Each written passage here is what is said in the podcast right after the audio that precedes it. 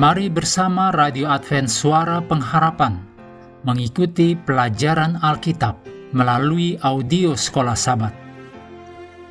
Selanjutnya, kita masuk untuk pelajaran Jumat 23 Desember. Ini adalah bagian pendalaman. Mari kita mulai dengan doa singkat yang didasarkan dari Wahyu 16 ayat 7. Ya Tuhan, Allah yang Maha Kuasa, benar dan adil segala penghakimanmu. Amin.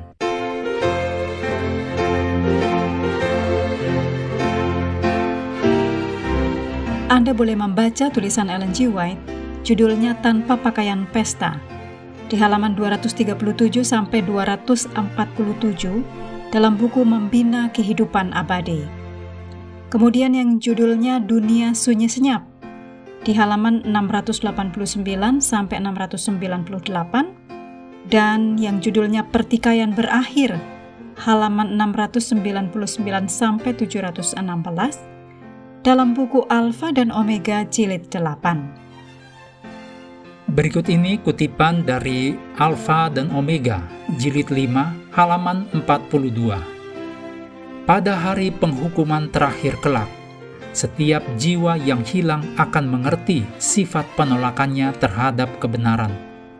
Salib akan dihadapkan, dan arti salib yang sesungguhnya akan dilihat oleh setiap pikiran yang telah dibutakan pelanggaran. Di hadapan penyataan Golgota dengan korbannya, yaitu Yesus yang penuh rahasia itu, orang berdosa akan berdiri dengan terkutuk setiap kebohongan akan disapu bersih. Kemurtatan manusia akan tampak dalam keadaannya yang keji. Manusia akan melihat apa yang telah menjadi pilihan mereka. Tiap pertanyaan tentang kebenaran dan kesalahan dalam pertentangan yang sudah sejak lama berlangsung itu akan jelaslah kelak. Dalam pengadilan semesta alam kelak, Allah bersih dari kesalahan atas adanya atau berlanjutnya kejahatan. Akan ditunjukkan kelak bahwa segala perintah ilahi bukanlah alat-alat yang menimbulkan dosa. Tidak ada cacat dalam pemerintahan Allah. Tidak ada alasan untuk pendurhakaan. Manakala segala isi hati kelak dinyatakan, baik yang setiawan maupun yang memberontak akan bersatu mengatakan, adil dan benarlah segala jalanmu, ya Raja segala bangsa. Siapakah yang tidak takut, ya Tuhan, dan yang tidak memuliakan namamu? Sebab telah nyata kebenaran segala penghakimanmu.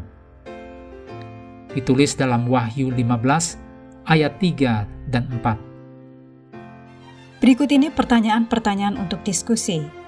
Yang pertama, ada kutipan dari Ellen G. White, khotbah di atas bukit halaman 72, menyebutkan, Jika engkau bergantung kepada diri, tidak mau menyerahkan kehendakmu kepada Allah, engkau sedang memilih kematian. Bagi dosa, di mana pun ditentukan, Allah adalah api yang menghanguskan. Kutipan ini dapat membantu kita memahami penghakiman eksekutif, yaitu penghakiman terakhir Allah. Pertanyaan kedua, renungkan dan diskusikan pandangan yang disampaikan pada akhir pelajaran hari Selasa, bahwa tidak satupun dari orang yang hilang akan menerima penghakiman terakhir sampai setelah umat tebusan menjadi bagian dari proses penghakiman, yaitu seribu tahun. Sekali lagi, hal ini mengajarkan kepada kita tentang keterbukaan dan transparansi Allah bagi alam semesta di mana kasih berkuasa, transparansi ini begitu penting. Yang ketiga, diskusikan bahwa umat tebusan yang turut dalam penghakiman seribu tahun juga akan dihiburkan sehubungan dengan orang-orang yang mereka kasihi yang telah memilih untuk jadi yang terhilang.